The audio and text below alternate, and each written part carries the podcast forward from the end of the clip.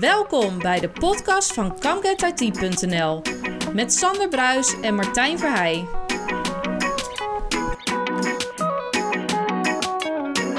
Ja, goedemiddag. Of wanneer je aan het luisteren bent. wanneer je aan het luisteren Goedenavond, goedemorgen. Goedemorgen. Wij zitten in ieder geval in de middagperspectief. Ja. Het leuke is, ehm Sinterklaas is langer geweest. Precies, je bent echt zo enthousiast in één keer. ik ben zo, ent- maar ook, ik ben ook helemaal van de leg. ik heb hier een partij knoppen voor me waar Precies. ik u tegen zeg wat ik niet gewend ben. Want Martijn, wat heb je voor je staan? Nou, we hebben onze nieuwe mengtafel met microfoons binnen. Misschien Ja, hoor je het ook. Sinterklaas was vroeg dit jaar. Ja, klopt. Het leuke is, ik heb ook nog wat leuke knopjes. Hè, zo. precies.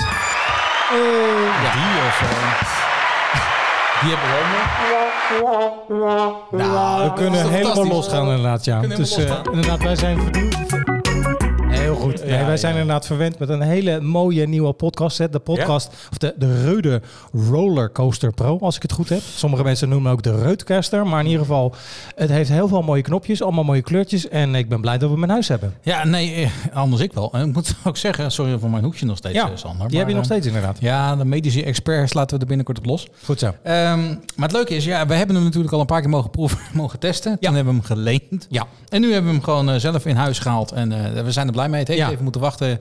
Iets met COVID. Ja, en we, precies. En we hebben vorige keer zijn we niet gelijk bakwaald gegaan. En dat, dat we zoiets hadden van, nou, we gaan alles eruit trekken wat we nu, eh, wat we nu gedaan hebben. precies.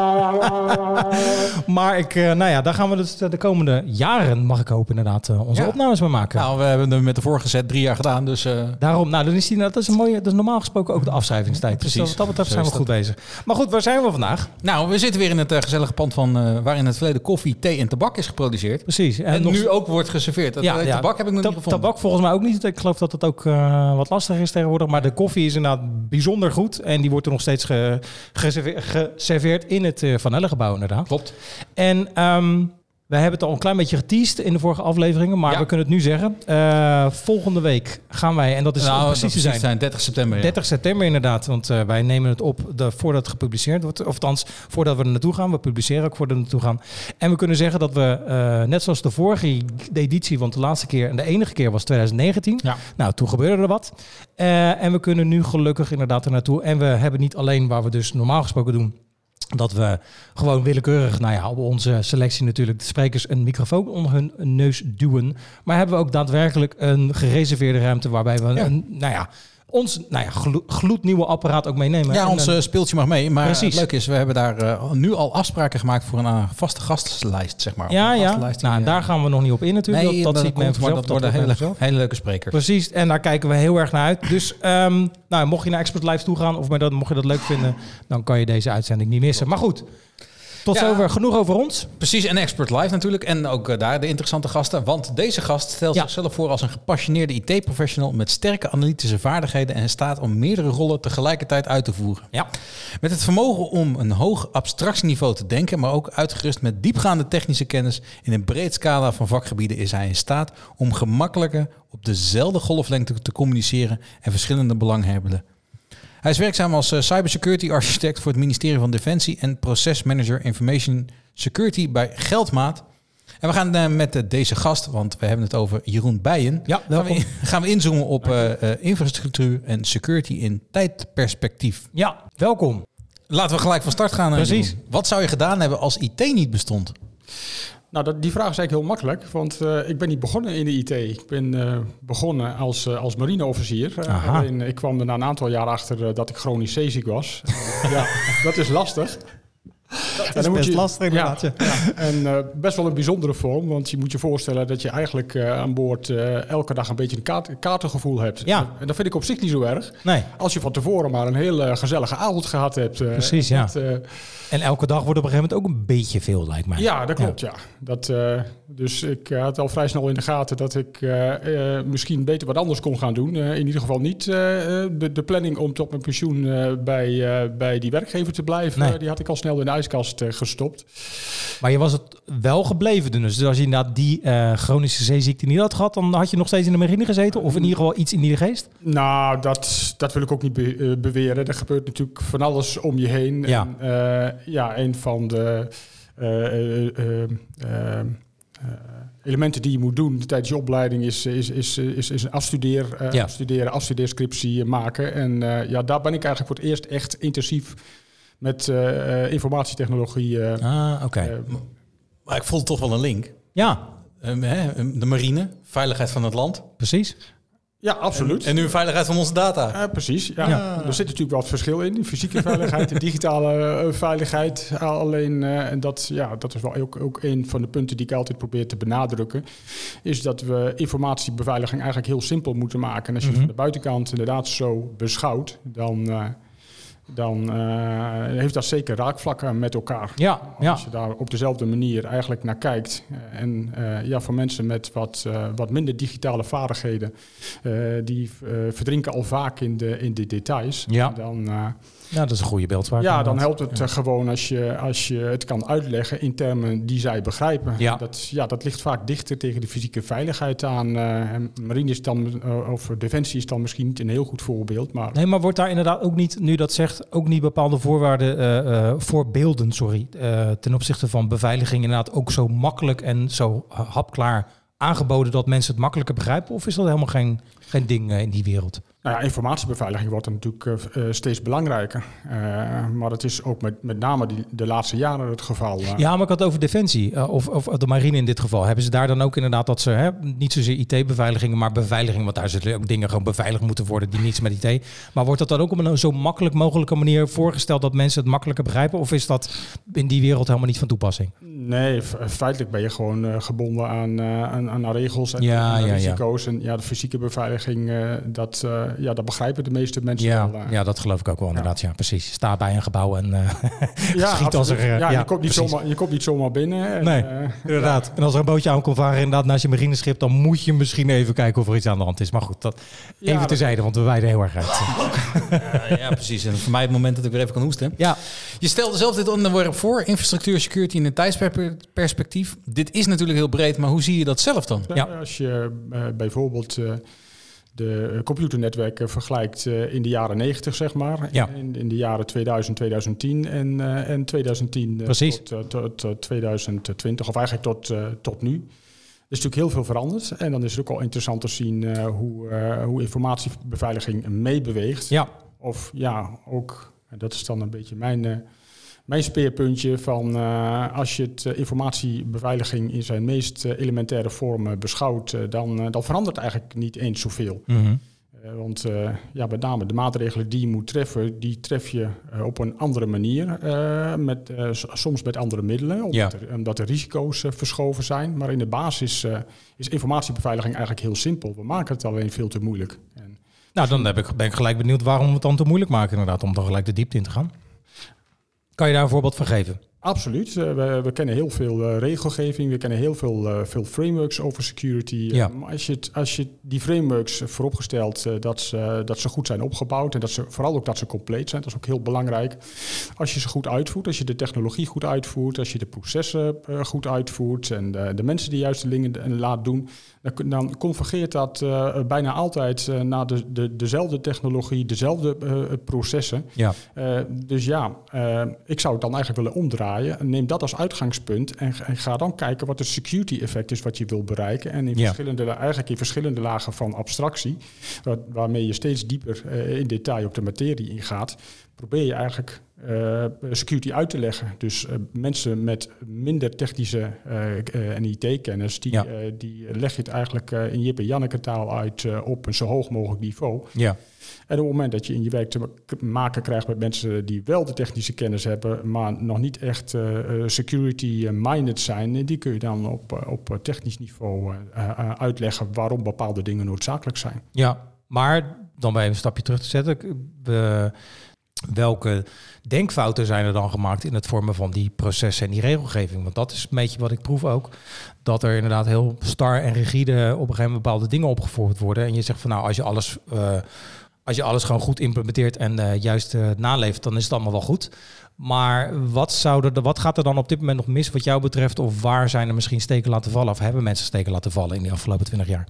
Nou, dat uh, security met name uitgelegd wordt uh, door, uh, door een, ja, eigenlijk een platte set van, set van eisen die vaak inconsistent zijn. In, in de zin van dat ze zowel, dat zijn zowel eisen op een hoog abstractieniveau als, als eisen die, die diep in detail gaan. Maar ook, ook eisen die, die te, tech, technisch agnostisch zijn en dan weer eh, vermengd met eisen die, die technisch zijn. Ja. En uh, als je dat nou uit elkaar gaat trekken, je zorgt ervoor dat je op het hoogste niveau, uh, het hoogste abstractieniveau en, en, en, en ook de, de, techniek daar loslaat, dat je het heel, heel makkelijk kan vergelijken, bijvoorbeeld met het beveiligen van je huis. Ja. En dan merk je dat mensen eigenlijk veel makkelijker in staat zijn om te begrijpen waarom, de dingen, waarom we de dingen doen die we, die we zouden moeten doen. Wat is dan de analogie die je maakt? Want je, je zegt de beveiliging van je huis. Ik denk dat dat inderdaad een heel concreet voorbeeld is waar mensen ook niet, of hè, niet techneuten zich eh, een beeld hebben kunnen vormen. Ik gebruik hem ook vaak hoor. Nou ja, dan hou ik me aanbevolen wat jullie uitleg is, eh, heren. Het hangt er af welk context, maar laten we het even aan Jeroen Ja, precies. Nou, op het hoogste niveau kijk ik, kijk ik vaak eh, naar informatiebeveiliging. Je, doet een stukje, eh, je moet een stukje identificatie en auth- authenticatie doen. Hè. Ja. Is, is, eh, is iemand daadwerkelijk die die zegt die die is? Ja, ja, ja. ja. Een stukje autorisatie hè, van, van wat mag, mag iemand. Eh, nou, daarnaast is, vaak de integriteit van je systemen, van integriteit van data is vaak een, een belangrijk element. Mhm. De beschikbaarheid van je informatie. Ehm, nou, naast het, eh, het, het, het autorisatie wil je ook eh, graag eh, dat, dat, dat je data, je systemen ehm, op, op een of andere manier afgeschermd wordt. Ja. Firewall is daar eigenlijk Uiteraard, een voorbeeld van als jij, als jij geen, geen protocollen of, of diensten naar buiten toe beschikbaar wil stellen, zorg je ervoor dat ze ook niet bereikbaar zijn. Ja. Af, onafhankelijk van of iemand er nou voor geautoriseerd zou zijn. Mhm. En eh, ja, als je al die, eh, die preventieve maatregelen ehm, ehm, opgesteld hebt, dan, dan wil je ook graag een stukje, dan wil je ook graag een stukje ehm, ehm, controle doen, een stukje monitoring doen. Ja. Eh, dus ja, stel als jij op vakantie gaat, ehm, eh, dan is het heel gebruikelijk eh, dat je voor die tijd de buurt, eh, buurt inlicht, eh, Mhm. dat je op Ja. vakantie gaat. Hè? Ja. Eh, met, eigenlijk met het idee van... eh, van eh, Sociale bewaking. Ja, precies. eh, Sociale eh, controle, eh, ja, precies. Ja. De afwijking, door Anomalie. van, eh, anomalies. ja. Anomalie. Juist, moeilijk woord. Ja. Dank u wel. Maar ja, je vraagt je buurvrouw of je buurman, die vraag je, die, die, die vraag je bijvoorbeeld om de bloemenwater te geven, om Ja. de post weg te halen. Dus Ja, die overhandig je de sleutel. Dus dat is eigenlijk een stukje de, de identificatie van, eh, je overhandigt eh, fysiek de sleutel. De sleutel is dan feitelijk het auto, het authenticatiemechanisme, wat je zou kunnen vergelijken met, eh, met bijvoorbeeld eh, het wachtwoord waar iemand binnenkomt. Ja. Maar je wil uiteraard niet eh, dat, dat je buurvrouw, buurman in je kantoor komt waar je gevoelige spullen liggen of, of in de kluis waar je je sieraden hebt liggen Ja. bijvoorbeeld. Ja. Ja, en als je weggaat, dan eh, ja, je, eh, je houdt er ook rekening mee dat er, eh, dat er altijd voor kan komen dat er alsnog ingebroken wordt. Ja. Je denkt ook goed na van welke zaken kan ik absoluut niet missen. of wil ik absoluut niet kwijtraken. En die ga je elders, an- elders onderbrengen. Dat is, ja, kan je een beetje vergelijken met het eh, backup eh, principe, zeg maar. eh. en op die manier ga je eigenlijk met gezond verstand ga je, ga je nadenken wat je doet. Dus dan zie je eigenlijk dat mensen heel goed in staat zijn om, om risico's in te schatten. Om te doen wat nodig is om die risico's te verkleinen. Maar ook een stukje risicoacceptatie te doen. Ik ben mij zelf gaan afvragen waarom kunnen we dat wel in dit soort gevallen. En waarom kunnen we dat niet met informatiebeveiliging. En ja, mijn, eigenlijk mijn analyse en dan eigenlijk dat, dat informatiebeveiliging gewoon veel te moeilijk maken. We hebben een aantal regels die, eh, die vaak als beperkend worden, worden ervaren. En waar men dan dus het, het liefst eh, direct, eh, direct omheen werkt, zeg maar. En dan wordt het per definitie wordt het minder veilig. En dan denk je bijvoorbeeld aan? Nou, dat, dat bepaalde, app- bepaalde applicaties niet, niet bereikbaar zijn. Of stel je hebt een internet, internetfiltering en, en je hebt daar een aantal, eh, Ja, ja, ja, je ja. hebt daar ja, een aantal ja. Eh, eh, eh, eh, testservers staan, zeg maar. Dat je via die testserver er onbeperkt internet zou hebben, dat soort zaken. Ja, ja, op die manier. Dus het, feitelijk inderdaad dat je uiteindelijk dus, even gechargeerd gezegd, wel alles dichtbouwt wat dichtgebouwd moet worden zogenaamd. Maar je laat een, een achterdeurtje open door testservers of inderdaad een niet beveiligde of niet gemonitorde omgeving die uiteindelijk net zo goed eh, toegang geeft tot je productienetwerk. Begrijp je dan goed? Ja, dat klopt. Ja, Eh, ja, ja. en dat is natuurlijk een van de voorbeelden. En eh wil niet zeggen dat als je het begrijpt dat je het dan niet doet. Eh, mensen zijn, altijd, eh, zijn wat dat betreft altijd ondeugend. Maar als we zelf maar een, een, een inschatting doen eh, wat de risico's zijn eh, die je loopt. Dan, eh, dan eh, wordt, het allemaal, dan wordt het eigenlijk veel gemakkelijker. Eh, maar een, een, een- een- misschien een me- meer herkenbaar voorbeeld is, het, eh, is de bekende gele briefjes die aan, die aan de Ik, monitor... ik wilde hem eigenlijk niet Ja. noemen, maar ik denk, ik is zo belegen, we hebben hem al Ah, vaker genoemd. Ik wil maar- toch even inzoomen op dat huis. Want niet iedereen heeft een alarmsysteem tijdens een vakantie. Nee, dat klopt. Maar dat is, dat is een afweging die, je- die je dan zelf moet maken. Maar wat je natuurlijk wel vaak ziet, is dat, eh, dat mensen op hun mo- mobiele telefoon kunnen zien wie- wie er rondloopt. Ja. Nee, maar ik vind op zich de analogie die je maakt tussen, laten we zeggen, de monitoring, wat dan je buurman of buurvrouw is, die inderdaad de plantjes water komt even de kat komt eten geven. Daarvoor zorg je dan in ieder geval dat die persoon geen sleutel heeft voor jouw eh, kantoortje, wat op, op, eh, op slot kan. En daar staat ook nog een kluis en die zit natuurlijk ook nog op slot, zodat je dus op die manier je beveiligingslagen hebt ingebouwd, zo gezegd. Ja, klopt. En eigenlijk stel je, maar dan is het eigenlijk, dan staat er nog wel gewoon een, een, eh, een, eh, een, een raampje open naar dat kantoor waar iedereen gewoon, waar iemand zo gewoon naar binnen kan en zegt: Oké, hey, bedankt.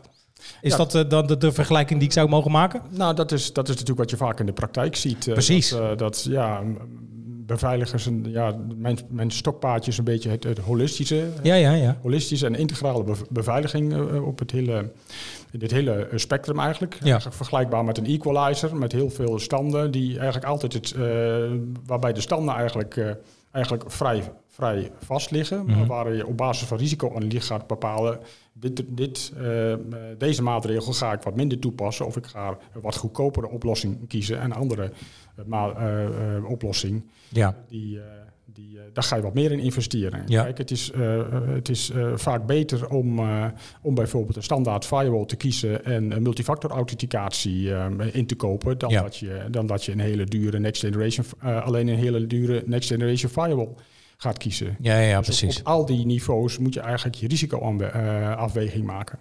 Maar je zegt dus eigenlijk, er wordt heel veel in geïmplementeerd. Een beetje star en eh, nou ja, misschien domweg worden dingen gevolgd. Zo van, nou dat zal wel goed zijn. Maar er wordt dus niet nagedacht over hoe dat goed ingezet wordt. Is dat wat ik uit je woorden? Ja, ik wil dat eerst, eh, dat zou ik daar niet willen bevestigen, want er zijn eh, inmiddels dat, eh, zijn al die frameworks best wel, best wel Ah, verbeterd. En ja, ook vaak aangevuld met, met de rationale waarom je dingen, zaken zou moeten doen. Eh, maar de, de platte regelgeving wordt vaak heel ehm, eh, moeilijk begrepen en dus ook heel moeilijk geïnterpreteerd. Want je moet ze eigenlijk vertalen naar, naar bijvoorbeeld technische beveiligingsmaatregelen. Ja, ja, ja. Maar je zei risico's afwegen. Eh, dat vind ik dan wel weer een interessante vraag. Want hoe kan je een risico afwegen? Als je, je moet ergens natuurlijk tegen spiegelen Ja. wat je risico is om een afweging te kunnen maken. Zijn daar die frames voor? De Nou, modelframes, zeg maar? Of, of is- Nou, dat, de- die, die kun je meestal gebruiken als, eh, als een security baseline, wat je minimaal zou moeten doen Ja, om, precies. je, om je eh, kroonjuwelen eh, adequaat te kunnen beveiligen. En Ja. daarna ja, moet je normaal gesproken ook een risicoanalyse doen om te kijken of, je, of er nog aan- aanvullende risico's zijn die, eh, die je moet afdekken. Maar stel je dan eigenlijk dat de IT-professionals en beleidsmakers eh, wat dat betreft eigenlijk nog steeds niet echt heel erg goed op de hoogte zijn van het belang van de goede infrastructuur of in ieder geval de goede implementatie, weer moeilijk woord, daarvan. Dus de implementatie daarvan. Dus ik, hè, ik, hoor, ik hoor je zeggen, er wordt inderdaad het nodige gedaan, maar niet op de goede manier. Nou, dat wisselt natuurlijk als je, Mhm. als je kijkt. Ja, naar, niet voor eh, iedereen natuurlijk. Ja, als je even- kijkt naar financiële in- instellingen, die zijn daar eh, doorgaans eh, al een heel stuk verder, Ja, dat stuk geloof ik verder mee. Maar als je kijkt naar het MKB, die denken altijd, het gebeurt wel, het gebeurt altijd bij, bij de buren. Het gebeurt, Ja. gebeurt niet bij mezelf, totdat, totdat het je wel overkomt. En ja, bij ons in de, in de, in de, in de buurt, bij het, bij het Hof van Twente, heeft men aan de lijve ondervonden hoe, Ja. Hoeveel impact eh, zoiets kan hebben. Ja, dat is wel een bekende hack inderdaad, eh, Ja. als het je daar gewoon terugkijkt, dat zijn gewoon eh, basismaatregelen die gewoon niet gevolgd worden. Een, een makkelijk wachtwoord om binnen te komen. weliswaar een, een, een, een mooie backup oplossing gekozen. Alleen de backup die was alleen maar online beschikbaar. En als iemand dan online in je netwerk komt, dan ben je dus en je productiedata kwijt en je bent je backups kwijt. En eh, het is verbazingwekkend hoeveel eh, bedrijven ik ben tegengekomen. eh, en niet alleen gewone bedrijven, maar ook. IT-bedrijven die, de, die de- dezelfde oplossing hebben. En ja, we, we hadden toch kunnen leren van de Universiteit Maastricht, waar exact hetzelfde gebeurde. Ja, te dat- over natuurlijk wat dat betreft inderdaad. Ja. Maar nou ja, goed, dan is de kernvraag dan simpelweg. En misschien heb je daar niet... Hè, de, nou ja, wat is jouw... Waarom denk jij dat dat komt dan? Waarom wordt dat dan niet gedaan? Wat- Omdat we niet met gezond verstand naar informatiebeveiliging eh, kijken. We laten het aan anderen, eh, aan anderen over. We, Mhm. huren, we huren mensen in. En eh, heel veel informatiebeveiligers hebben van een bepaald stukje hebben ze wat meer verstand. Ja, En, en sommige informatiebeveiligers, het zijn net virologen, die willen gewoon alles wat zij kennen, willen ze graag gaan afdekken. En dan krijg je dus het geval eh, dat, eh, dat eh, aan de ene kant de, de deuren met dubbele sloot en dubbele kettingen worden dichtgemaakt. Ja. maar dat het achterraampje inderdaad open staat. Ja, dan heeft het eerste geen zin. Nee, precies. Dus die, met name die, die holistische en proportionele beveiliging, dat is, en op alle niveaus, dat is eigenlijk, eigenlijk heel belangrijk. je moet het wel uit kunnen leggen, zodat ook, ook de directie en, en de managementteam het begrijpt, dat ze weten waarom we bepaalde zaken moeten doen. Ja, en ik heb, kijk, we hebben het, het, het, eh, het onderwerp security, Martijn, hebben we natuurlijk al vaker eh, be- be- behandeld in diverse eh, hoedanigheden. We hebben onder andere ook een keer een eh, ethical hacker eh, te gast gehad. En die gaf aan dat bijvoorbeeld als we het over pentesten hebben, van ja, dat is leuk. Maar als ik op een gegeven moment een pentest doe en dan wordt gevraagd, ga dit testen, dan doe ik dat. Maar dat wil niet zeggen dat het dan veilig is. Is, is dat een voorbeeld waar we het dan over hebben? Dat is, dat is eh, zeker een voorbeeld. eh. Ja, ja. En de pentesters zijn natuurlijk eh, heel vaak op, eh, op, op diep technisch ni- niveau zijn ze wel bekend met, Ja. met kwetsbaarheden. Bijvoorbeeld, die, die, hoef je niet, die hoef je niet uit te leggen hoe je, hoe je bijvoorbeeld SSH zou moeten beveiligen. Precies, maar dat is natuurlijk maar een heel klein deeltje van, van je hele integrale beveiliging. Ja, Hè, dat je, je, dat je, je eh, je ontwikkelomgeving ook zou moeten beveiligen, zeg maar. Dat je daar ook authenticatie, autorisatie zou moeten doen. eh, dat, je, dat je niet eh, een, een, een- live database met gevoelige gegevens in je ontwikkelomgeving on, onderbrengt, om Dus- als een voorbeeld te noemen. Dus eigenlijk moet ieder bedrijf gewoon een hackington één keer in de maand organiseren of één keer in het half jaar. En eens een keer hun ICT-beveiliging door een groep, eh, laten we zeggen, legale hackers loslaten en kijken waar de gaten zitten. Nou ja, maar dat, dan ga je maar een heel beperkt deel, gedeelte. eh, je doet een assessment over een, een vrij beperkt gedeelte. Ja. Eh, het is natuurlijk goed om dat te doen, omdat je zeker de, de voor de hand liggende eh, kwetsbaarheden die wil je opgelost hebben. ja. Denk bijvoorbeeld aan configuratiefouten die erin zouden kunnen zitten. Maar ook bijvoorbeeld om een, om een product goed, goed te laten testen. ja. Wat, je, wat ik ook heel vaak merk is discussies al, als wij een assessment willen doen op een, op een product. Dat er, eh, eh, dat aan wordt gegeven, ja, de hele wereld gebruikt het. Ja, en we hebben met SolarWinds eh, gezien dat dat geen, eh, geen heel verstandig... eh, Nee. Sluit is geweest. Precies, inderdaad, ja. Maar goed, zitten we dan uiteindelijk niet in een cirkeltje? eh, komen we dan over twintig jaar? Hè, dan eh, hebben we weer allemaal de nodige hacks gehad, breaches, lekken, noem het hele zootje maar op. Daar is dan weer van geleerd, er is over nagedacht, er zijn weer dingen voor, eh, voor eh, op poten gezet. Maar dat is in de afgelopen twintig jaar ook al gebeurd. Kijken we dan over twintig jaar, hè, natuurlijk is het glazen bol wat ik nu aan je vraag. Maar is dan de kans dat we over twintig jaar niet weer op dezelfde manier terugkijken van nou ja, leuk wat we allemaal bedacht hebben. Maar eigenlijk zijn we weer in dezelfde fouten vervallen. Ja, er is een, eh, een spreekwoord, hè, als het koud verdronken is... eh, Dan dempt men de put. Ja, precies. ja. Maar dat is toch... Ja, goed, nou ga ik een stelling... Dat is toch best wel kwalijk dan. Wa- Waarom, hoe kom- komen we dan eruit wat, wat jou betreft? Nou, eh, ik, ik heb wel, eh, wel de ervaring dat dat, dat dat steeds beter gaat worden. eh, Mhm. Want bedrijven zien natuurlijk ook om, ook om hun heen. Eh, dat, ook, eh, dat, dat eigenlijk geen enkel bedrijf eh, ongevoelig is voor bijvoorbeeld een, ransomware aanval. nee, precies. En dan gaan ze nadenken en dan gaan ze vragen stellen, hoe kunnen we dat voorkomen? Ja. Dan gaat het wel alleen over het voorkomen van, van, van, van, van ransomware. En ransomware is niets, eigenlijk niets anders dan iemand komt je netwerk binnen en die, die gaat, gaat wat, wat gegevens veranderen. Ja. Dus dat is eigenlijk hoe ik er naar kijk. Ja, dat is het ook, ja. En ja, je ziet wel dat dat bewustzijn steeds groter wordt. Alleen men weet nog niet precies eh, hoe en, en, en, en, hoe men dat moet doen. Maar dat blijft dus reactief. Het is dus, ik merk aan hetgene wat jij zegt, kijk, en ik hou me te goede, ik ben geen expert, maar we hebben wel al de nodige eh, security mensen gehad die eigenlijk elke keer hetzelfde zeggen van ja, ja, dan wordt de regelgeving opgesteld naar aanleiding van inderdaad een grote hack die in het nieuws komt, hè, wat politiek misschien ook op een gegeven moment gevoelig ligt. Maar dat blijft altijd een achterhoedegevecht.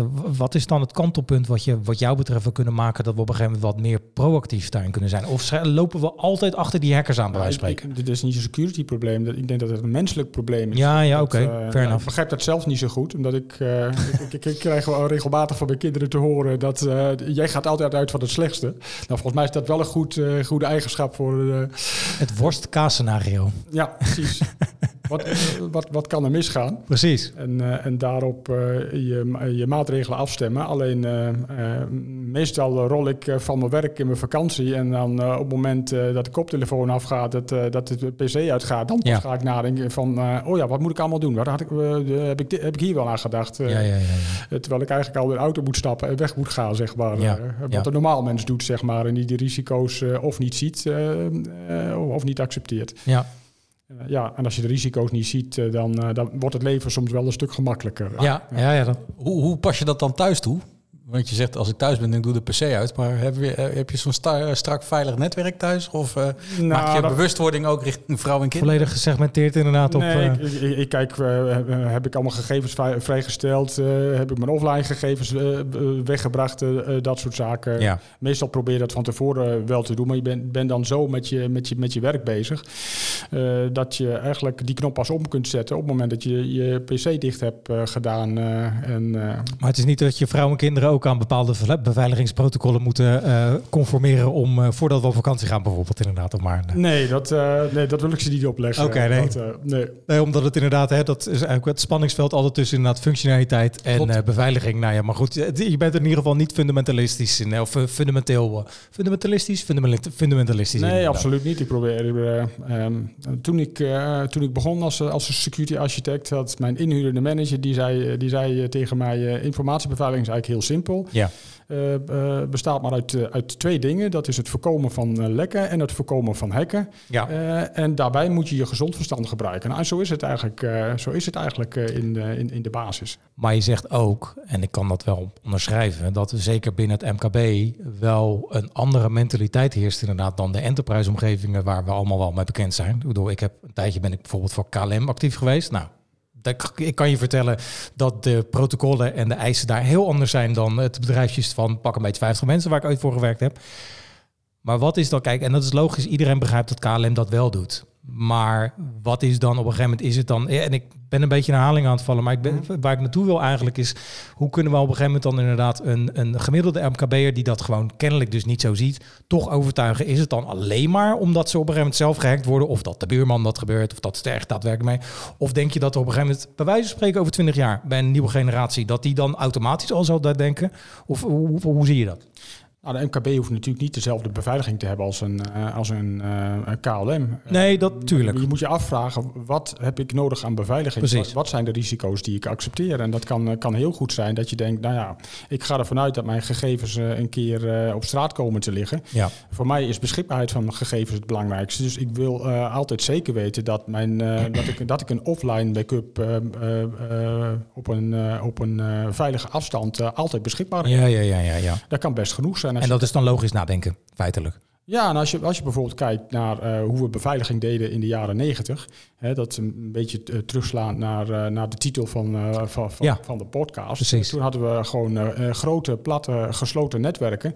We hadden in, in het begin van de jaren negentig hadden we nog, hadden we nog een internet. Dus eigenlijk de enige manier dat narigheid het netwerk binnen zou komen was met floppies destijds nog. Ja. Wat later met USB-sticks. Ja, en wat later via e-mail en aan het eind van de jaren negentig eh, via internet, die, we- die we destijds nog met, eh, met eh, on- on-demand met modempjes eh, hadden. Dus dat risico was Ja. helemaal niet zo groot. Dus eh, ja, wat je in de jaren negentig zag, is dat eh, ja, elke res- respecterende eh, grote organisatie had wel een checkpoint of een, eh, of een eh, Cisco ASA firewall Ja.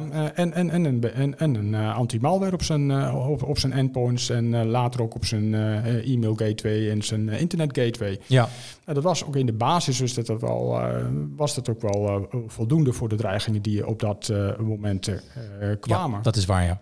Maar als je dan kijkt eh, naar eh, begin 2000, toen, eh, toen in heel snel tempo de DSL-verbinding, de vaste internetverbindingen met, met voldoende bandbreedte beschikbaar kwamen. Eh, en er dus veel, veel meer gebruik werd gemaakt van internet, maar ook heel veel bedrijven hun eigen mailservertje, hun eigen webservertje, hun Ja. eigen remote desktop eh, service gingen hosten. Terwijl, terwijl we eigenlijk niets of, of bijna niets aan patch management deden. En, Ja, ja, ja. ja, ja. wat, je, wat je toen met name zag, eh, die grote eh, uitbraken zoals, eh zoals Code Red met AES en, en de Slammerworm met, met, met SQL. Die ken ik nog wel, ja. Ja, ja. en dat was ook ongeveer het moment, volgens mij was dat ergens 2002, dat de, de, de beruchte mail van Bill Gates kwam, dat security als primair belang in de, in de producten van Microsoft gestopt moeten worden. ja. En je, je ziet in de loop van dat de, decennium dat ze, dat ze dat best wel voortvarend hebben aangepakt. Ze hebben, Zeker. ze- Voor die tijd was het iets minder, kan ik zeggen. Maar de, inderdaad, Ja. sindsdien hebben ze dat een stuk Nou ja, beter. je kan zeggen van Microsoft wat je wil in die jaren, maar de producten werden wel steeds beter. Absoluut. Dat, kon ook bijna niet anders Nee, eh, op sommige eh, vlakken. Maar je merkte dat ze eh, met hun software development eh, life cycles hebben de functionele updates losgetrokken van security updates, Ja. eh, die ze ook heel goed getest hebben. Het is voor mij ook onbegrijpelijk dat ze dat recentelijk eh, allemaal weer bij elkaar hebben gestopt. Ik denk dat dan, dan trappen we weer in dezelfde val. eh, Oh, dat wist ik niet. Maar dat eh, bij deze dan. en ja, het, het risico patchbreaks is natuurlijk wat, wat de meeste eh, Ja. systeembeheerders het, het, meest treft. Maar ja, ook daar kan je weer met gezond verstand mee omgaan. Als je beschikbaarheid van je informatie zo belangrijk is, moet je ervoor zorgen dat je, dat je maatregelen hebt getroffen om, om zo'n patchbreak aan te kunnen. Dat je Tege- bijvoorbeeld gefaseerd, eh, gefaseerd je patches gaat inbrengen, Ja, ja. dat gaat testen. Maar Jeroen, ik heb als bedrijf toch zijn, ik heb toch eigenlijk geen geheimen. Je hebt geen geheimen. Ik heb geen geheimen. nou, dat is de meeste zin namelijk die ik hoor. Dus ik denk, ik beantwoord even gewoon Ja, de dat, maar vraag. dat hoor je toch ook veel mensen zeggen. Ik heb niks te verbergen. Nou, ik kan je vertellen, je hebt heel veel te verbergen. Echt. Vertel mij even wat je salaris is bijvoorbeeld. En vallen mensen ineens, heel, ineens, heel, eh, ineens stil. Nou, er Gekke staat mij namelijk ooit een zin bij dat een systeembeheerder ooit zei van ik zal je personeelsysteem wel even hacken. Ja. En mezelf iets meer salaris geven, moet je kijken wat je dan voor... eh, Ja, precies. Nee, maar het, wat je zegt over patch management, wat ik echt wel gewoon nog steeds hoor, is van ja, die patch van Microsoft, die, eh, ja, die breken alles, dus dat doen we niet. Of dat doen we een maand later. Nou ja, goed. Die maand later, dat snap ik nog. Maar de, bedoel, ik weet letterlijk, en ik heb dat ook volgens mij ook een keer genoemd, dus sorry dat ik in herhaling val. Ik heb voor een gemeente ooit eh, beheer gedaan waar het configure-virus, omdat er niet gepatcht was, gewoon rondwaarde. En dan zei de beheerder, nee, wil ik niet. Want eh, ja, ik hou niet van patches. Ja, dan ben je toch uitgeluld? Ja. Het is lastig dat donderdagavond weer eh, heb, van Ja, 8 tot ja. 10 eh achter je PC te kruipen om al die patches weer te installeren. En dan kraakt er weer eentje net voor 5 voor 10. Ken je Lanneke? Ja, we kennen het. Ja, nee. Ja, meestal moet je ze op vrijdagmiddag doen. En dan heb je net gepland dat je uit gaat eten en dat je een leuk weekend wil hebben. En dan Precies, eh, is het ja. heel gemakkelijk om te, nou, dat doen we maandag wel even. Ja, Ja. totdat het misgaat natuurlijk. En dat hebben we met eh NotPetya natuurlijk gezien. Ja, maar het is, ook daar is het eigenlijk weer heel simpel. Eh, als jij niet continu gaat patchen, betekent dus dat je of een onbekend risico loopt, of je moet heel goed in de gaten hou- houden welke kwetsbaarheden er verschijnen. ja. Want ja, dat Petya eh, eh, malware was, was eh, best goed te voorkomen geweest. Als je dat in de gaten houdt, dan had je gezien dat er een ernstige kwetsbaarheid Ja. uit was gekomen. En, en dan moet je misschien wel alles in het werk zetten om het Ja, om ja. te gaan beveiligen. En ja, met name zijn het, zijn het die kwetsbaarheden die, die een ongeautoriseerde gebruiker zou kunnen misbruiken. Ja, Door, bijvoorbeeld gewoon een, een, een, een malvormd pakketje richting, richting een systeem te sturen. En dan volledig controle eh, daarover te kan, gaan, eh, te gaan krijgen. De, de, de, de eh, kwetsbaarheden die we eh, twee jaar terug hebben gezien met Citrix bijvoorbeeld, waardoor de, overheden, de overheid niet meer thuis kon werken. Nee, ja. Even resumerend, Jeroen. Waar komen we vandaan qua security en hoe heeft het pad naar het heden vorm gekregen? Ja, maar we, we, we waren natuurlijk gebleven bij, eh, bij dit verhaal over, over de, de, de, de patch en over de Microsoft Trustworthy, eh, Computing. Ja. Eh, nou, wat je daar ook ziet, is dat, eh, dat de markt daar natuurlijk op reageert. En, Ja. eh, en wat, je, wat je in die jaren met name ziet, is dat men heel veel eh, investeringen deed om je eh, internetperimeter eh, te beveiligen. Denk aan, nou, uiteraard aan, aan een gateway anti-malware. Maar denk bijvoorbeeld ook aan, aan eh, eh, behavior-based scanning. Dat je niet alleen maar kijkt naar malware die ergens al bekend is geworden, maar Ja. dat je ook kijkt naar het gedrag. Eh, wat alle, allerlei nieuwe uitdagingen met zich, eh, met, met, met zich meebrengt ook. eh. maar ook bijvoorbeeld op web application firewalling. Dat je, als je een webserver hebt die je publiceert naar buiten en die bevat kwetsbaarheden en je hebt hem niet voldoende gepatcht, het zij omdat het destijds nog niet zo heel belangrijk leek. Het Ja. omdat je op welke manier dan ook niet in staat bent om hem te updaten. Dat je aan de voorkant een, een apparaat hebt die, die de, de misbruik van zo'n kwetsbaarheid eh, kan detecteren voordat Ja. het daadwerkelijk op het systeem eh, komt. eh. ja, dan krijg je de volgende stap. Dat zit dan allemaal in de weg. Dus wat gaan de meeste leveranciers doen met hun software? Die gaan hun, hun, diensten op, eh, op dezelfde poort, op dezelfde protocol eh, uitluisteren. Dus Ja. ja. dan heb je een hele mooie dure, dure firewall. Maar ja, die is eigenlijk vergelijkbaar, maar ik heb een heel eh, hoog eh, hek met prikkeldraad eh, om mijn huis. Alleen de poort die staat gewoon wagenwijd open waar je Precies. naar binnen komt. Ja. dat was ook de tijd dat... ja, dat, eh, ik geloof dat Palo Alto de eerste was, maar misschien eh, dat ik nou eh, een aantal oud-collega's op, de, op de voeten ga staan. Goed zo. Maar die, die met de Next Generation Firewall kwam om op, op basis van fingerprint, op basis van app, app ID bepaalde kenmerken te kunnen, te kunnen identificeren. Ja. Welk type verkeer, van welk type verkeer er sprake van was. En daarop kan filteren. Dus je kan dan bijvoorbeeld voorkomen dat, dat mensen video's gaan downloaden. De sociale netwerken waren destijds eh, in zwang. Dus dat, eh, dat eh, Twitter, ge- Twitter geblokkeerd werd. Ondanks Ja, ja. dat dat er gewoon via het webprotocol naar binnen kwam.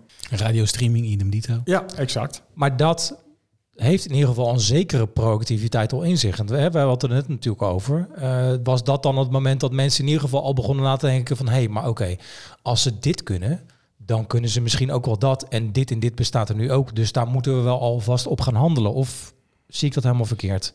Nou, ik denk dat de meeste bedrijven gewoon de markt eh, volgt. En op het moment dat er, eh, hè, en, om het voorbeeld nogmaals te noemen, next generation firewalls uitkomen, dan eh, denkt elk gerespecteerde bedrijf, eh hey, moeten wij dit ook niet hebben? Ja. en eh, ja, techneuten die vinden het natuurlijk prachtig, nieuwe technologie. Zeker. is goed om op hun cv te zetten. Dus ja, als je, als je het hen vraagt, die zeggen geen nee. Nee, Ja, nee. Het is denk ik ook zo dat de meeste bedrijven natuurlijk eigenlijk de verwachting neerleggen bij een IT-partner. Dat voor hun goed op orde te brengen. Ja, dat, ja dat, maar dat zag je ja, met name ook in, de- in, de- in, in, in het laatste decennium, dat natuurlijk heel veel, eh dat IT veel meer uitbesteed. eh, Ja, precies. Zeker. Ja. Maar daarover gesproken, het valt me wel op dat bepaalde technieken geadverteerd als de oplossing, en dan heb ik het even over eh, OTP en MFA, uiteindelijk ook weer gekraakt worden of in ieder geval weer de volgende backdoors zijn om, eh, Ja. om binnen te komen. Ik kan me herinneren dat... Blijft dit een terugkerend proces? Ja. Ja. ik kan me herinneren dat ik op een beurs liep. Dat inderdaad OTP, want nou, dat was echt het. En dat Ja. Voor de, de rest van ons leven, nou, niet dus. Of dat de mensen gewoon een mailtje gestuurd krijgen, autoriseren met OTP en op dat moment de achterdeur openzetten voor een, eh, een hacker. Ja, en eh, het project waar ik nu zit, MFA, wordt er gewoon zo vaak verstuurd dat mensen op een gegeven moment wel een keertje op oké klikken. Dus Ja, lang verhaal kort inderdaad, gaan we, blijf, blijft dit. Dat hebben we rece- eh, natuurlijk met Uber gezien. Precies. Ja. Ja. Maar ja, daar is het ook weer als de security in de weg gaat zitten en men, men, men denkt niet na wat de gevolgen kunnen zijn van, eh, van, van acties, dan, dan krijg je dit soort, dit soort gedrag. Maar laat ik, laat ik vooropstellen dat ik, dat ik heel blij ben dat we eindelijk van, dat, van dit single point of failure het eh, username wachtwoord af zijn. Want ja, dat, in, in mijn optiek is dat.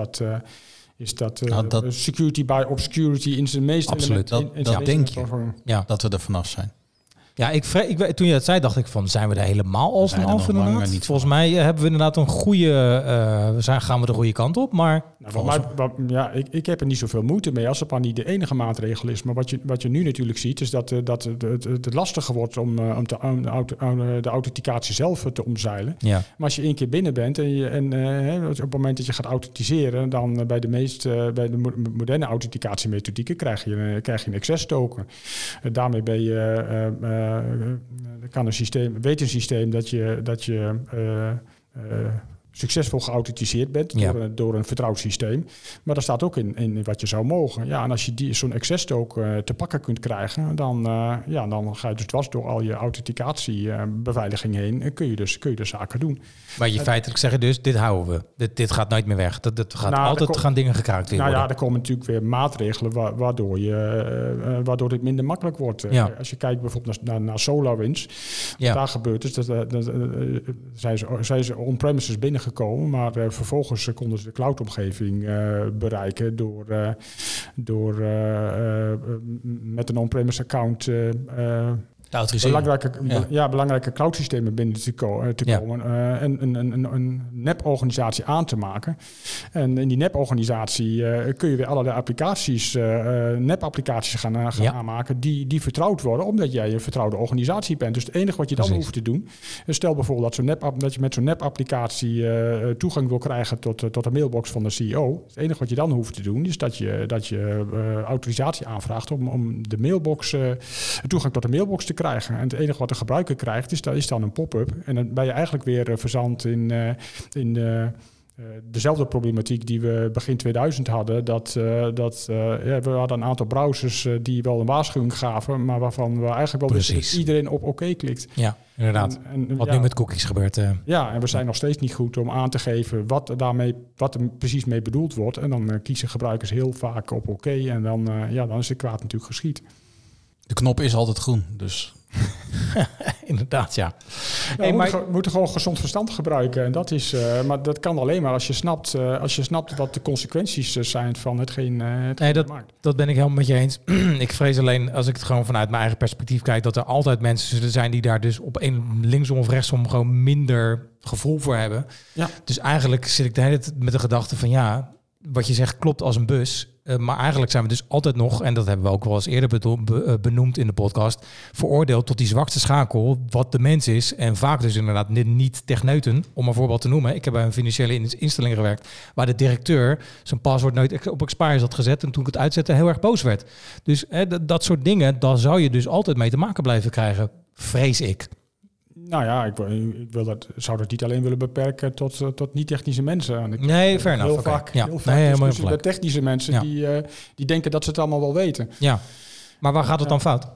Nou, omdat ze, zij, zij, hebben dan, zij hebben dan vaak verstand eh, bijvoorbeeld van firewalls. Ja, Ze ja. hebben verstand van SSH-beveiliging. eh, maar eh, met, met een, eh, met een eh, dure fi- firewall voorkom je niet dat een interne medewerker verkeerde dingen gaat doen. Nee, precies. Dus van dat hele oppervlak wat zeg maar risicovol is, hebben zij Ja. maar een klein stukje. Beetje vergelijkbaar met die pentest. Leuk dat je inderdaad een bepaald- bepaald stukje test, maar er is nog veel meer wat nu het over het hoofd gezien wordt. Dat Ja. is feitelijk wat je zegt dus. Ja. Aan de andere kant, je zegt even die discussie met die technisch specialist of die technische man.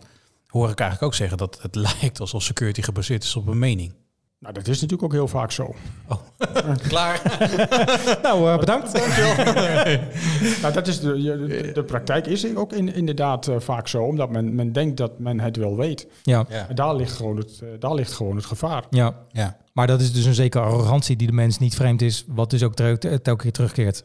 Hoor ik Ja. eigenlijk zeggen. Gewoon. Ja, dat klopt. Ja. Ja, ja, ja.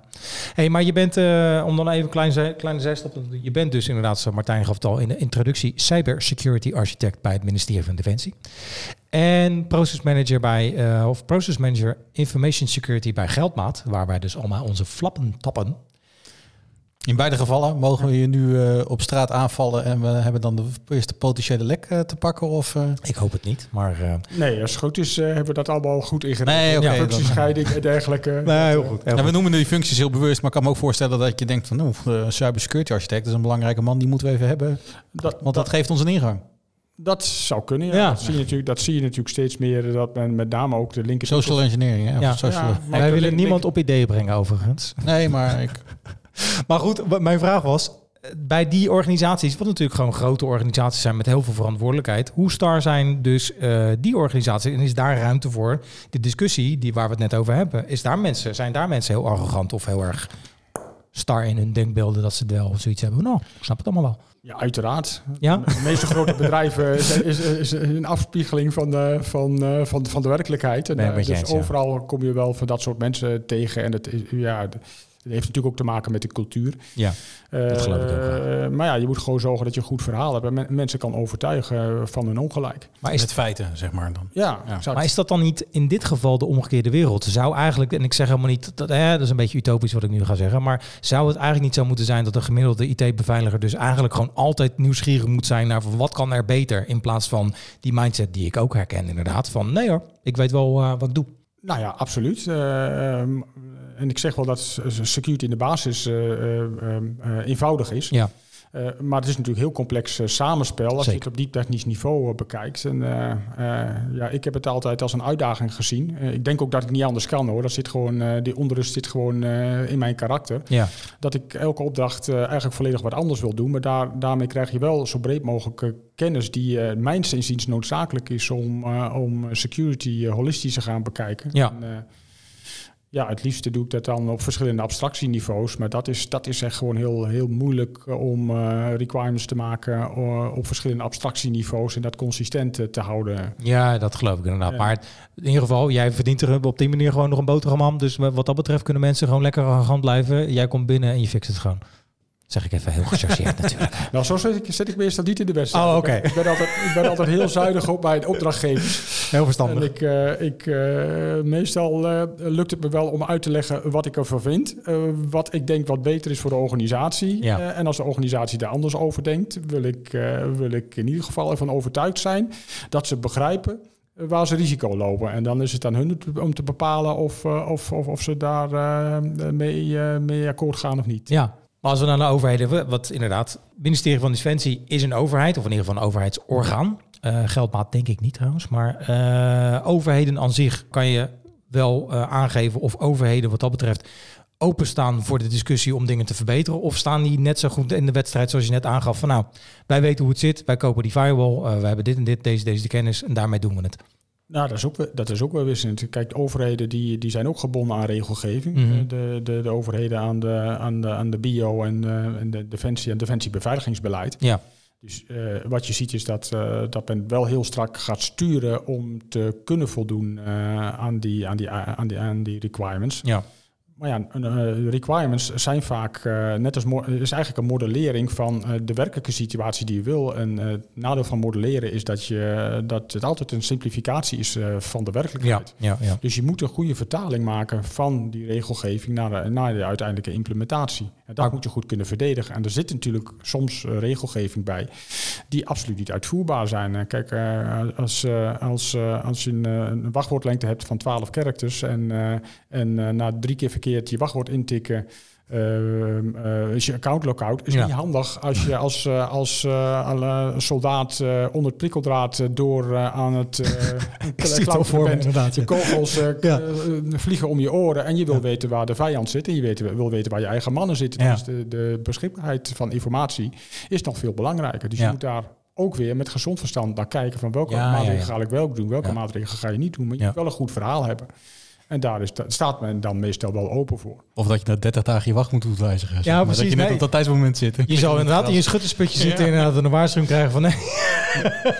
ik zie hem helemaal voor me inderdaad. Ja, maar de, de- de- Maar wel logisch. hè. Maar er zit dus wel heel veel lucht in, eh, in eh, security eisen en de, de daadwerkelijke implementatie. Ja, met lucht bedoel je ruimte dan, de Ja, ja. bandbreedte zeg maar. Ja, Ja. ja, precies, precies. Nou ja, gelukkig, want inderdaad, eh, precies wat je aangeeft, dit is een, een voorbeeld waar ik maar helemaal nog nooit over nagedacht heb. Nou, ik ben blij dat te horen dat er inderdaad wel een bepaalde inschikkelijkheid is eh, eh, op dat gebied, dat er nog in ieder geval een beetje logisch nagedacht wordt. Ja, dus ik kijk vaak naar het security effect wat je wil bereiken. En vervolgens ga je kijken wat is de meest praktische manier eh, hoe je dat gaat doen. Ja, want op basis van calamiteiten worden er logischerwijs frameworks en regelgeving ingericht. Maar wat wordt dan vaak wel over het hoofd gezien? Nou, de regelgeving is vaak het compliance stuk. Ja. Je bent compliant, maar ben je dan ook veilig genoeg? Ja, dat zijn twee verschillende dingen. Ja. ja, ja. Dus eh, ja, dat, eh, dat laatste eh, zou dan ook vaak vanuit een risicoanalyse perspectief zou, zou je daarachter mo- moeten komen. Ja. Maar ja, ik heb merk dat risicoafweging, risicoanalyse maken is best, is best een lastig vak. Dus dat kan ook niet altijd iedereen. En dat wordt vaak gebagatelliseerd. Eh, of het is heel tijdrovend dat je, een- dat je een risicoassessment door moet met de hele organisatie. En eh, ja, dan heb je ook weer te maken met mening, met discussies. Dat zijn eh, ja, best, wel, eh, best wel kostbare trajecten. Ja, ja Maar ja. wel noodzakelijke trajecten. eigenlijk absoluut 100%. Hetgene wat we al vaker aan eh, met name security mensen hebben gevraagd, is eh, de rol van quantum computing in de toekomst. En eigenlijk is het antwoord dan elke keer ja, nee, dat gaat alles eh, binnen een seconde breken. Hè? Ik overdrijf even een beetje. Maar het is er nog niet. Het komt eraan, het is er nog niet. Inmiddels is het er nog steeds niet. Ik, volgens mij wordt het al lang eh, in China en Amerika wordt het al lang toegepast. Bestaan die computers bestaan gewoon. Even afgezien van het feit van wanneer het komt, maar wat voor gevaren zie je dan op de weg eh, verschijnen op het moment dat dat geïntroduceerd wordt? Want als inderdaad iets binnen een paar seconden gebroken kan worden, wat nu moeilijk te kraken is, waar gaan we dan naartoe? Is het dan weer dezelfde exercitie? We gaan weer dezelfde fouten maken, dezelfde, dezelfde regels? Of gaan we daadwerkelijk wat beter met de ervaring die we nu Ja, hebben? je- je- dit, dit zou je door moeten voeren in je, in je security eisen. Dat, eh, dat op het moment dat jij encryptie toepast, eh, Ja. dat, je, dat je ervoor zorgt dat, die, eh, dat, dat de vertrouwelijkheid van je informatie die je versleutelt, dat die ook, ook nog stand houdt binnen, binnen een tijdsbestek van een aantal jaren. En daar Ja, ja. is dit natuurlijk een heel belangrijk aspect bij. Uh, maar in ieder geval de, de, de standaardprotocollen die nu nog worden gebruikt, of tenminste de, met, met voldoende sleutellengte, Ja. die worden in ieder geval die, die eerste jaren, voor zover ik het heb begrepen, maar ik ben er geen expert in, Mhm. ik, ik heb het er ook niet in verdiept, zouden die nog voldoende moeten zijn. Maar ja, niemand weet hoe de toekomst gaat en misschien, misschien uh, wordt er elders op de wereld wel, uh, wel nieuwe technologie uh, bedacht, waardoor, waardoor we niet. Waardoor we tien keer zo snel zijn als, als we nu denken dat een quantumcomputer is. En dan zijn ze niet beveiligd. Dus je moet heel goed nadenken de, over de gevoeligheid van informatie. En hoe erg is het als, als de informatie die nu nog veilig versleuteld is, dat die misschien, dat die misschien op straat versleuteld kan worden ja, precies. over een aantal jaar. Maar er wordt in ieder geval over nagedacht. Absoluut. Ja. Gaan we nog even heel even terug naar het begin. Want we, hadden het inderdaad over de jaren 90, de floppies, het beginnende internet. En we hadden toen ook, kan ik me nog uh, zelf herinneren, uh, Windows 95, Windows 98 werkplekken. In een Novell-netwerk bijvoorbeeld. Bijvoorbeeld. Um, die niet veilig waren. Laten we heel simpel zeggen. Je, je had toen een inlogscherm voor Windows 95 of Windows 98. kon je op cancel drukken, kwam, kwam je gewoon binnen. Nu zijn we op het punt dat we echt daadwerkelijk, uh, zeker met thuiswerken, worden laptops opgestuurd. Dan log je in, heb je gewoon je Windows laptop, staat helemaal klaar. Ik zag laatst van ergens een, een complete kast, een pincode in toetsen en een plop. Nee, het, is, het, is, het gaat echt heel ver. Maar, maar het wordt een beetje als een standaard werkplek nu gezien. Precies. Als een is, veilige werkomgeving. Zelf. Precies. Is dat dan inderdaad, is het... Uh, terecht dat mensen, de eindgebruiker, dat ook gelijk als een veilige werkplek zien? Of hebben we nog steeds die valkuilen, zoals Windows 95? Nou ja, misschien niet het, het inlogvenstertje wel weg, weg kunnen klikken. Of zie je daar nog wel risico's in? Is dat misschien de, de vraag die eronder zit? Nou ja, ten eerste, de besturingssystemen die jij noemt, uh, die waren absoluut niet uh, gebouwd om veilig te zijn. Nee, dat is duidelijk. Dus in die, die in die jaren, uh, alle features die maar enigszins bruikbaar waren, die stonden ook standaard aan. Dat is in de loop van jaren wel veranderd. Klopt, ja. Ehm, ik wil niet, wil niet zeggen dat ze ook altijd daadwerkelijk veiliger zijn geworden. Maar wat je de afgelopen decennia natuurlijk wel hebt gezien, is, is, um, is een is, is, dat Microsoft heel hard gewerkt heeft om security in de volle breedte te implementeren. Met Ja. name met hun cloud, cloud werkplek, met een Microsoft 365 omgeving.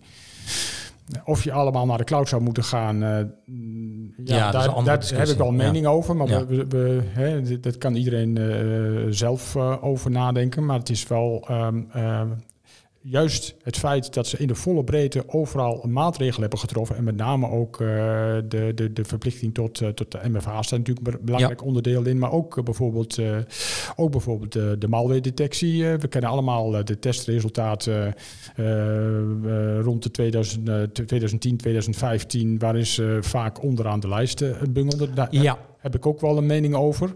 Want ik weet ook hoe, hoe men meet. Uh, uh, maar ja, uiteindelijk hebben ze natuurlijk uh, door die hele cloud-omgeving... hebben ze van uh, honderden miljoenen mensen... krijgen ze, krijgen ze malware-samples krijgen ze binnen. Ja. Dus als, als er ergens aan, het, aan de andere kant van de wereld... een stukje malware gedetecteerd wordt... heb jij, dat altijd, heb jij daar direct een update van binnen, van binnen op je werkplek. Ja, ja, ja, ja. En er is natuurlijk een, heeft een shift plaatsgevonden van hè, dat, dat we niet meer vanuit gaan dat we niet meer gehackt worden, maar dat het assume breach. Of uh, zoals de, de, CEO van Cisco het ooit eens heel treffend opmerkte: there are two types of companies. One that's being hacked and one that doesn't know that's being hacked. Precies, die heb ik wel eens gelezen inderdaad. Ja, ja inderdaad. Zo is het natuurlijk. Dus ook die werkplekken zijn het, niet meer die, die vertrouwde kasteelmuren eromheen, zodat je werkplek minder hoeft te beveiligen. Maar Ja. de werkplek, de dreiging rondom de werkplek. Uh, is, uh, is, natuurlijk, uh, is natuurlijk toegenomen. Dus ook de security functionaliteit in die werkplekken zijn natuurlijk ook heel sterk, sterk toegenomen. En Zou je dan inderdaad niet kunnen zeggen waarmee we dan kunnen concluderen? Uiteindelijk, de eindconclusie is dat dat misschien het beste voorbeeld is van hoe dus beveiliging verbeterd is in de afgelopen 20, 30 jaar. Waar vroeger inderdaad Windows, een Windows-werkplek als standaard onveilig wordt gezien. En nu wordt die opgestuurd en kan je ermee aan het werk. Is dat misschien het beste voorbeeld inderdaad hoe ver we zijn gekomen? Ook in ons denkproces? Ja, of dat nou te maken heeft met, met de, de security awareness, uh, dat durf ik niet te zeggen. Nee, okay. Maar Microsoft heeft dat, daar natuurlijk ook een reputatie te verliezen. Ja, zeker. Ja, en of de vraag of het veilig is. Uh, ja, we, we, we, kennen de, de, de Patch Tuesday vulnerabilities en er ja. zitten toch regelmatig ernstige kwetsbaarheden in. Zeker. dus, dus blijft gewoon, het blijft gewoon opletten Maar het stukje awareness, je zegt het zelf al, bijvoorbeeld door MFA in te bouwen, dat mensen dat moeten doen. Ja. Daarmee wordt er een stukje opvoeding dus al gedaan. En Ja, maar ook bijvoorbeeld uh, privilege access management. eh, dat, Ja, ja. eh, dat Ja. beheerders niet zomaar meer overal bij kunnen. Ja, en, precies. Dat je met, met gemakkelijk te verkrijgbare tooling zoals een, zoals een Mimikatz domeinadmin wachtwoorden uit het geheugen kan halen. Ja, ja, dat, ja. Maar dat is ook allemaal weer reactief. dat hebben we natuurlijk die, de, rondom 2010 heel veel gezien. De paas, de hash, paas, eh, Mhm. paas. Tegenwoordig is het paas de token. ja, En waar we mee te maken hebben, dat zijn allemaal eh, kwetsbaarheden die we ja, in eerste instantie vaak met puntoplossingen gaan, eh, gaan, eh, gaan oplossen. Terwijl het juist heel belangrijk is dat je, eh, dat je gaat nadenken als je die technologie gebruikt. Hè, want, eh, eh, sterke authenticatie is heel goed. ja, Eh, maar we willen ook graag eh, dat het eh, gebruiksvriendelijk eh, blijft. Eh, dus eh, we willen graag eh, single sign-on, dat Ja. we maar één keer hoeven in te loggen. Maar dan moet je wel, moet je wel beseffen dat als iemand eh, zo'n token te pakken kan krijgen, dat hij dan ook echt overal bij kan in, Ja. in, de, in, de, bij, in het bedrijfsnetwerk, maar vaak ook in de, in de cloud-omgeving. Absoluut. dat is eigenlijk gewoon de, de continue risicoanalyse die eh, mensen eigenlijk zou moeten aanleren op, op alle niveaus. Eigenlijk vergelijkbaar weer met het eh, allereerste voorbeeld waar ik kwam. Als je je huis gaat beveiligen, want dat snappen, ja. dat snappen ze. Ja, ja, Kijk eens, naar, eh, de, de secretaresse die een geel briefje op de, op de monitor eh, plakt. mag ook een secretaris zijn, hè? even voor de duidelijkheid. die, ja, mag. Ja, precies. Even dat we, we zijn volledig inclusief in deze podcast. Nou, ik kwam er van de week nog een tegen die stuurde een wachtwoord en een eh, gebruikersnaam en dezelfde e-mail. Oh ja, Dus joh. Het is er nog steeds... ik eh, allemaal zie. Maar goed, maar goed. Je was, eh, je was we onderbraak je. Ja, die denkt, misschien denkt, denkt eh, hij of zij daar, wel Heel over, goed. daar, wel, daar wel over na. Maar die denkt dan waarschijnlijk van, eh, ja, wat, wat heb ik nou te ver- verbergen? Wat je ja, maar het aangeeft? briefje is inmiddels verplaatst aan de achterkant van de agenda, hè? De Ja, ja, van de nou. Ja, hoe- of, hoe dan of ook, in de laan. Hoe dan ook, het is makkelijker te achterhalen. Ja, ja, ja. Ehm, maar wat we natuurlijk in de praktijk zien, is dat, eh, dat ehm, cybercriminelen netwerken binnenkomen. eh, door middel va- vaak van een credential van een gewone gebruiker. Ja. En door middel van, eh, van kwetsbaarheden kunnen Klopt, ze zich ja. hogere privileges eh, toewijzen. Waardoor ze uiteindelijk via één account het, vo- het volledige netwerk eh, eh, eh, eh, kunnen compromitteren. Ja. Tot aan ransomware aanvallen aan, aan toe. Ja, en als je die, die secretaresse of secretaris vertelt dat, eh, dat dat de ultieme consequentie kan zijn van het Ja. feit dat zij eh, zo'n zo'n zo'n username wachtwoord eh, eh, makkelijk eh, te, te raden of, eh, of eh, makkelijk te vinden Ja. eh, valt, dan, ja, dan heb je toch een andere discussie. Ja, dus concluderend, want dit is eh, de, volgens mij gebeurde dat 20, 30 jaar geleden ook al natuurlijk, dat met bepaalde accounts dingen gedaan werden. Maar als, ik je, als we het kunnen concluderen, zijn we een heel eind gekomen, maar we zijn er nog lang niet. En dat is gelijk een goed moment om het hele vragenvuurtje af te, af te vuren, zeg maar, met nog één enkele vraag die we altijd bewaard hebben tot het einde, Sander. Inderdaad, want eh, nou en sterker nog, ik bedoel, ik dacht vandaag we zijn zo in, eh, nou ja, in de stemming van nieuwe apparaten, nieuwe dingen. Dat je zelfs nieuwe enveloppen hebt. Ik heb nieuwe enveloppen meegenomen. Ja, Dit heb ik echt al tien keer gezegd, namelijk in de, in de uitzending van nou we moeten eens een keertje, want ze waren een beetje smoezelig.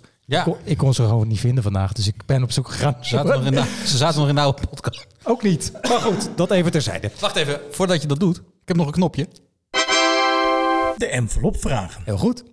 Ik heb hier dus eh, drie fonkelnieuwe enveloppen. Ze zijn ook heel groot, dus eh, je zijn makkelijk bedienbaar. Ehm, mijn enige vraag is, en daar zitten inderdaad, daar zal ik erbij zeggen, eh, wat eh, stellingen, wat eh, meer op de persoon gesneden. In ieder geval, wat de, de- we noemen het de vraag die niemand durfde te stellen.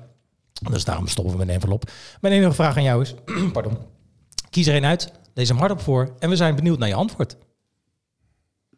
En Jeroen gaat voor de rechter, voor andere kijkers links. Voor mij is het de onderste. Dat inderdaad, inderdaad, dat was ook de onderste. Nou, het is een lange vraag, dus eh, we zijn benieuwd. Mag ik hem ook voorlezen? Eh, heel graag. Nou, daar komt hij. Dilemma. Je hebt de mogelijkheid om terug in de tijd te reizen om met de kennis van nu de IT-security op orde te brengen. Dit zorgt er echter wel voor dat je in de huidige tijd je niet meer kan bezighouden met deze vraagstukken. Ja, Wat kies je? precies. Wat kies je? Dat is een eh, dilemma, hoop ik. Dus oftewel, je gaat terug in de tijd, je, doet, je lost alles op, maar je hebt geen werk meer. In de huidige tijd. Want je staat dan wel in de boeken, neem ik aan. Ja, nou, het antwoord hoef ik niet lang over na te denken. Dan zou ik het zeker doen. Eh, ja, ja, toch wel, ja. Ja. ja en, Oké, en dan heb je geen werk meer en dan ga je... Heb je dan ook voor je wat je dan zou willen doen? eh, Nou, in, dat in je niet geen werk meer. Je hebt geen werk meer. Misschien in de informatie. Nee, pre- precies, inderdaad. Ja, daar heb je helemaal gelijk in. Maar dat, dan, dan vind je wel een andere activiteit waar je jezelf mee bezig kan houden. Ja, als dit er niet was geweest, dan had ik wel weer wat anders gekozen. Precies. Maar En, en daarbij, maar dus diep in je hart, inderdaad, zou je het eigenlijk wel willen dat, mag ik het zo zeggen, dat die problemen inderdaad er niet zouden bestaan. Absoluut, ja.